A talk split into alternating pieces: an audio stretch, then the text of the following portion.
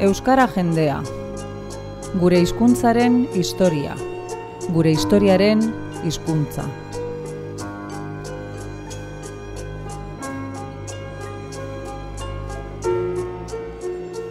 Izen bereko liburuaren egile den samar ikertzaileak, Bilbo iria irratearekin solasean, pasarte laburretan, aurkeztu eta azalduko diguna. Euskaldunok gure historia hobeto ezagutzeko.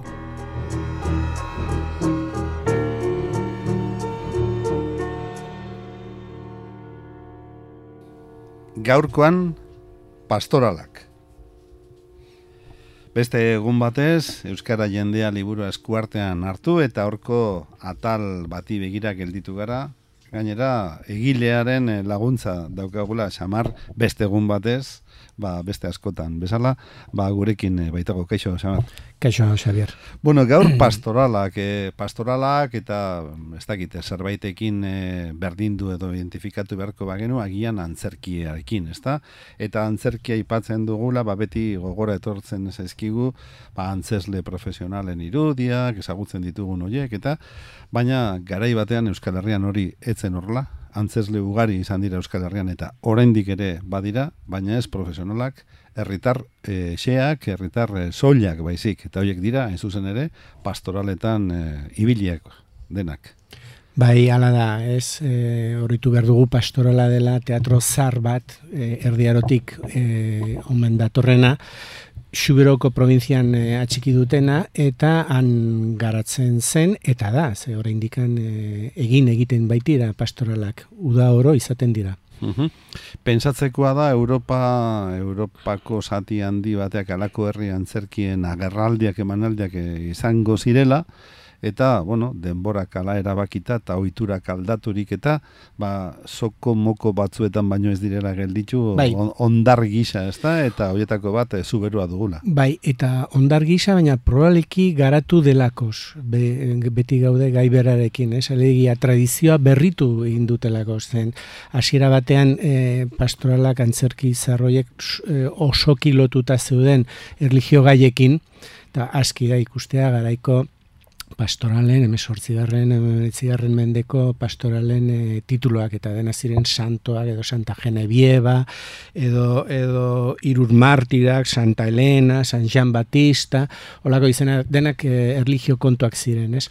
Baina, Elizak eh, bai, esarririk eh, imposaturik neurri handi batean. Ba, neurri handi batean eta eragin ez ere, ez? Baina hor dudik ez da, e, gero garatu ginda, e, hogei garren mendean gertatu zen berrikuntza hori, eta e, gizarte mailan nolabait zaharkituta gelitu ziren e, gai hoiek, nahikoak ematen zituen Elizak berak bere, bere foroetan, ba, e, garatu zen gure historiara, eta orain e, erabili diren personaiak zen beti baitago personai nagusi bat pastoral guztietan e, gure historiako norbai da eh? e, beti edo zumalankarregi izan den edo agosti xao edo gure historiako personai interesgarriak Eta zein da pastoralaren e, funtza?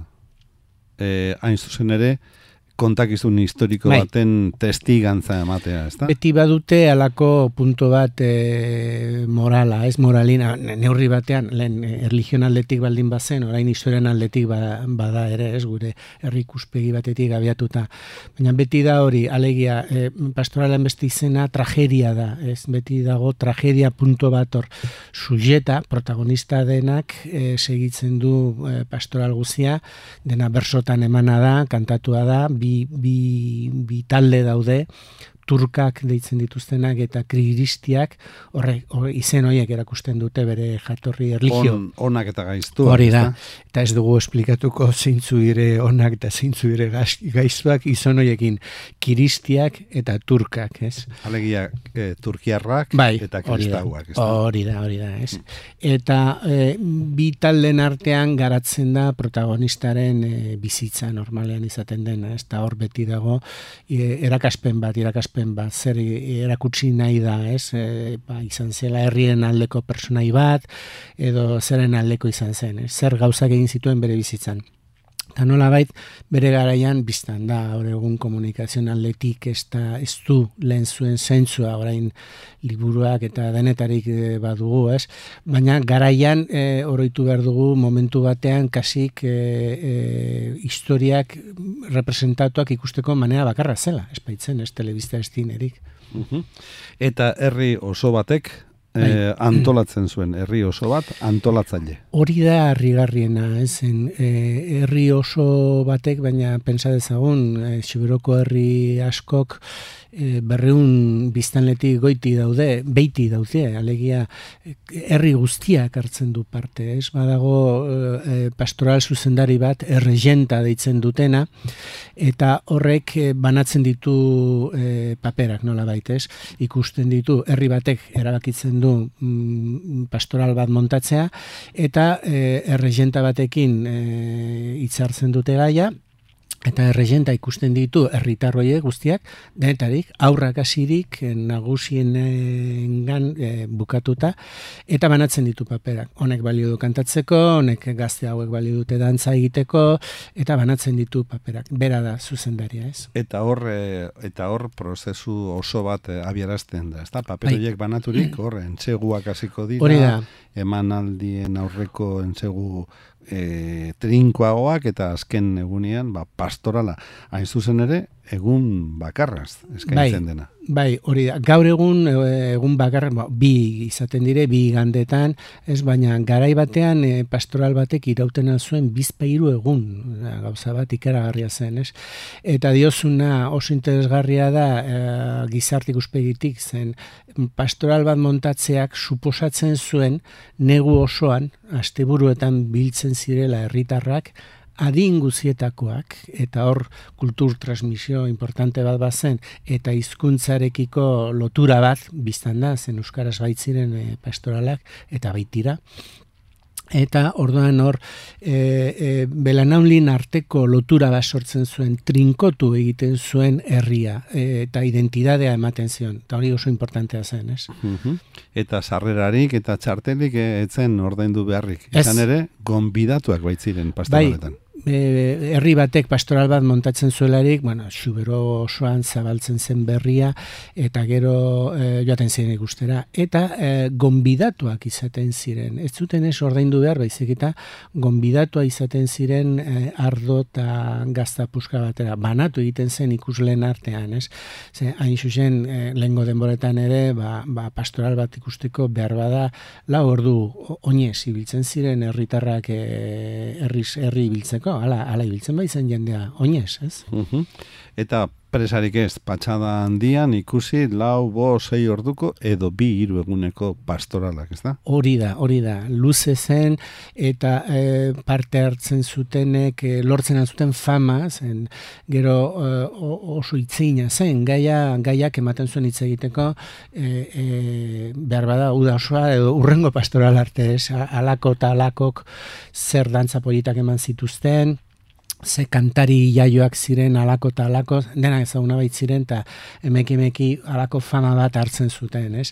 Ta nola bait eh, herri txiki hoien ohorea ere hortan zetzen, ez? E, alegia, mhm. alako herrik zer nolako pastoral ederra eman zuen e, alako urtetan, ez? Eta leia polit horretatik, e, bizigarri horretatik, ba, batak herri batek urrengo bati lekukoa ematea. Hori da, hori da, bukaeran gainena egiten da antxetan deitzen dutena, alegia e, e, nolabait saldu egiten da e, e, pujatu egiten dute herriek dantza egin ahal izateko eta urrengo pastoral bat e, antolatzeko ere ez.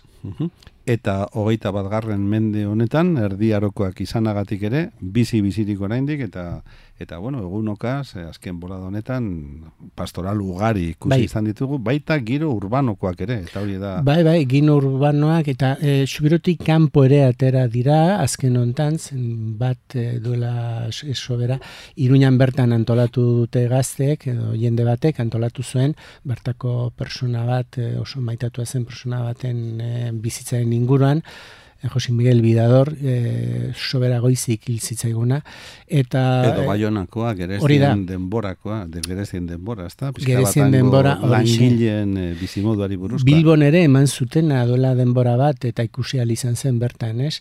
Eta e, olako asmoak badire, baina beti ere kontutan hartuz, e, e, usadioa, ohitura ezin dela mantendu zen bezala, eta garatu egin behar dela, egin behar dela e, garatu, gaurkotu eta eta interesa piztu, ez? Uh e, guztien artean, guztietan, zein duzu holan guztu guztokoa, pastoraletan?